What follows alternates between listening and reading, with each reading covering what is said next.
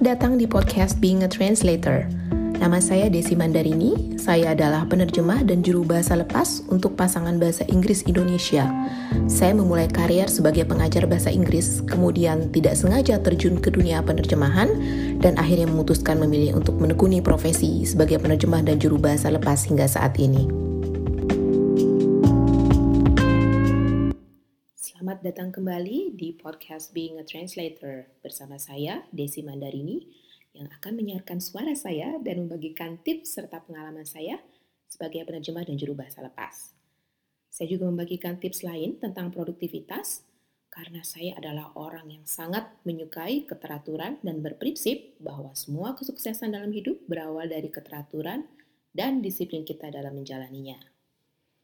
Sebelum kita mulai, saya mau tanya, kalian lebih suka mendengar kata senior atau podcast?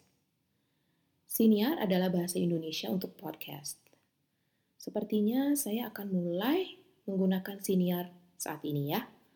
Terutama karena siaran ini juga dalam bahasa Indonesia. Jadi ada baiknya kalau saya menggunakan bahasa Indonesia. Sekaligus mempopulerkan penggunaan kata senior. Baiklah, episode ini adalah yang kesembilan. Cepat sekali ya. Bagaimana kesan kalian tentang senior being a translator ini?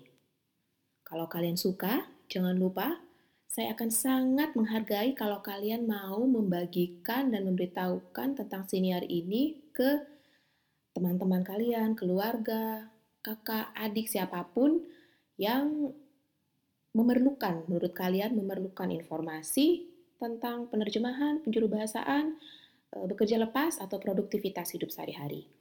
Kali ini, saya akan membicarakan tentang hobi dan pekerjaan, atau tepatnya, mengungkapkan pendapat saya tentang menjadikan hobi sebagai pekerjaan dan mata pencaharian.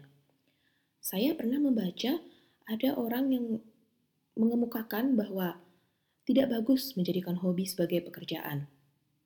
Ada pula yang mengatakan tidak setuju mereka tidak setuju dan mengatakan bahwa hobi yang dijadikan sumber penghasilan adalah hal terbaik yang bisa dilakukan dalam hidup kita. Menurut saya, menjadikan hobi sebagai pekerjaan adalah keputusan terbaik dalam hidup saya. Saya sependapat dengan sebagian orang yang menganggap hobi yang dijadikan pekerjaan adalah hal yang ideal, hal yang terbaik. Mengapa? Pertama, saya melakukan pekerjaan dengan senang hati dan bisa tetap fokus karena saya melakukan hal yang saya sukai. Kapan lagi kita bisa melakukan hobi, dan menghasilkan uang. Betul tidak? Itu sebabnya saya tidak memilih bekerja kantoran. Saya memilih bekerja lepas karena saya menyukai fleksibilitas waktu yang bisa saya miliki. Saya bisa menentukan pekerjaan mana yang ingin saya ambil dan mana yang tidak. Saya bisa mengatur jadwal saya sesuai saya tidak terikat jadwal pekerjaan kantor mulai pukul 9 pagi sampai 5 sore saya paling tidak betah harus bekerja berdasarkan jadwal dan waktu yang sama setiap hari. Kedua, hobi yang dijadikan pekerjaan tidak membuat kita merasa terbebani. Bagi saya, ketika ada tenggat penerjemahan, saya dapat membuat daftar prioritas yang tepat mana dulu yang akan saya selesaikan. Karena yang saya jadikan pertimbangan adalah sesuatu yang membuat hati saya senang. Dan ini sangat membantu saya menjalani kegiatan sehari-hari dengan tanpa beban. Ketiga, saya bisa memilih apa yang ingin saya kerjakan. Saya bisa atur jadwal dengan baik dan seimbang dengan kegiatan pribadi saya. Ini berpengaruh bagi kesehatan fisik dan mental saya, dan tentu saja masa depan saya. Nah, itu tadi tiga alasan mengapa saya setuju dengan pendapat bahwa hobi yang dijadikan pekerjaan adalah hal yang tepat untuk dilakukan. Bagaimana dengan kalian? Adakah di antara kalian yang menyimak senior ini yang juga melakukan hal yang sama seperti saya atau punya pendapat sama? Kalau tidak, mengapa? Apa alasan kalian? Dari yang saya baca, orang yang tidak setuju dengan pendapat bahwa hobi dijadikan pekerjaan itu bagus, memiliki alasan bahwa dengan melakukan hal yang kita sukai sebagai pekerjaan, kita tidak akan mengetahui, tidak akan bisa menentukan batas. Kita tidak bisa membatasi kapan kita melakukan pekerjaan, kapan melakukan hobi. Jadi batasnya itu menjadi kabur.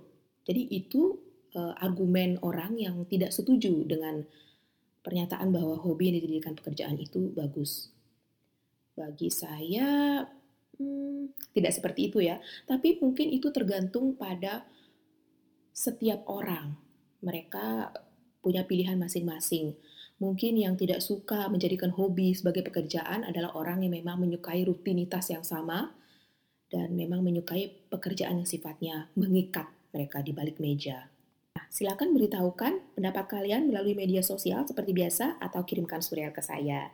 Alamat surel dan tautan ke media sosial saya dapat kalian temukan di deskripsi siniar ini atau kalian bisa melihatnya di laman saya di www.desimandarini.com.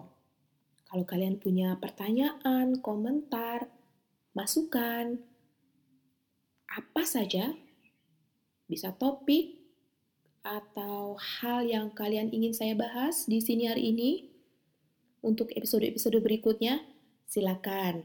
Seperti biasa, kalian bisa kirim surel ke saya atau memberitahukan saya lewat media sosial mana pun yang kalian gunakan, Twitter, Instagram, atau Facebook.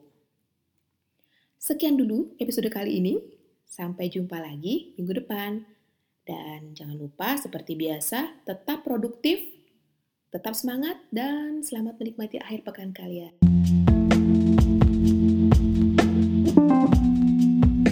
Kalau kamu suka podcast ini, jangan lupa bagikan di media sosial kamu dan beri ulasan. Saya juga menulis tentang pengalaman dan tips seputar penerjemahan dan freelancing di blog saya di www.desimandarini.com. Kirimkan pertanyaan, komentar, dan masukan kamu ke alamat email hello at desimandarini.com atau ke Twitter di DF Mandarini. Tertarik untuk menjalani karier sebagai penerjemah lepas? Atau sekadar ingin tahu lebih banyak tentang keseharian penerjemah dan juru bahasa saat bekerja? Ikuti Instagram saya di Desi Mandarini. Sampai jumpa di episode berikutnya dan salam sukses. thank you